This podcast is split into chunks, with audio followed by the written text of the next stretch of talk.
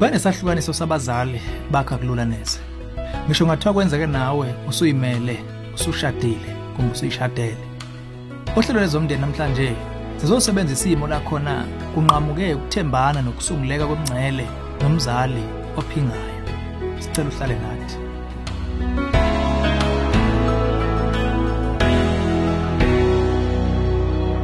Angihloniphe ngubingelele.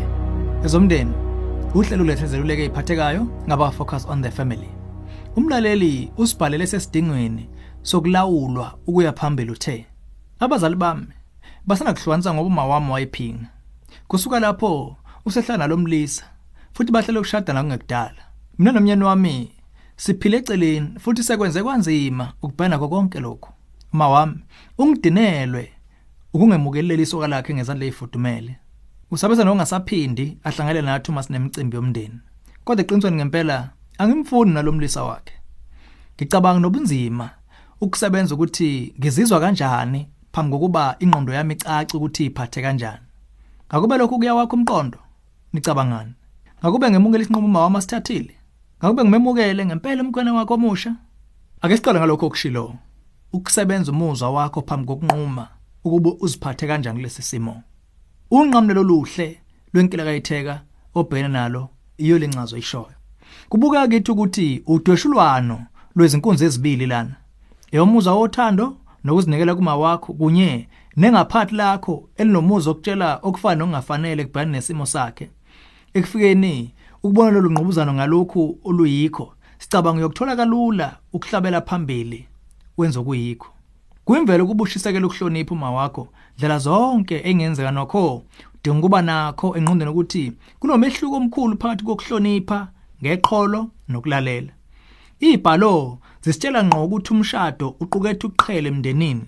Okucacile nomndeni osuke kuwona kanjalo nokusungula lomndeni omusha ceke. Kwindaba yokushiya ubaba nomama besunamathele koganene naye.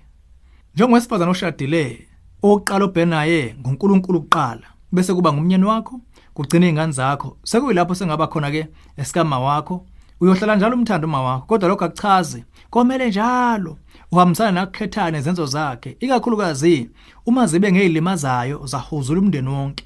Khumbula ukuthi uma wakho nguye osungulela isimo esimanhlembethwane nesinzima. Usikhethe ngokuthi ashaye indiva izifungo zomshado wakhe. Udinga uqonda ukuthi izinqumo zakhe zinemphumela empela empilweni kumele uba akwazi naye lokho. Ngokwethu kubukeka kungazolana nabanye ukuphoqa ukuthi umndeni wonke umukelele isoka lakhe ngemfudumalo.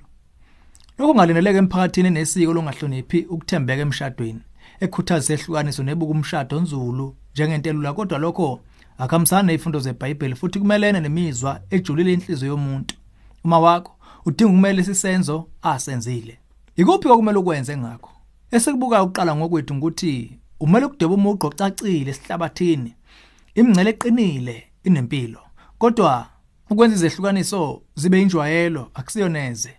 Mtshela uma wakho ukuthi ukulungele ukumemukela emcimbini omndeni wakho inqobo nje uma ezohlonipha inkambiso zakho ayihloniphe uma wakho kumbe nomndeni wakho.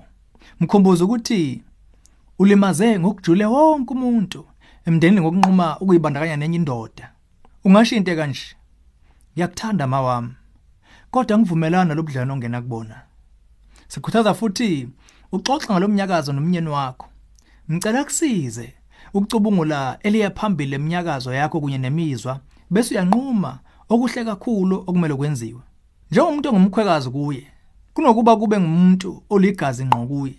Usesimene esihleke ukuhlola isimo ngomqondo ongancike ndawo qede bese akuphizeluleke iqinile neyinomqondo ifocus on the family ineyisebenza ama therapist kwezomndeni akhona akulungele ukuphiluleke izinqala nosizo oluphathekayo ngocingo. Angaphinde futhi akuxhumanise nabaluleki abahlonishwayo abasebenza eduze nala ukhona uma kudingekile sicela ushayele ku 031 716 3300 kumbe ungene ku safamily.co.za bese uthi cofo ku counseling link.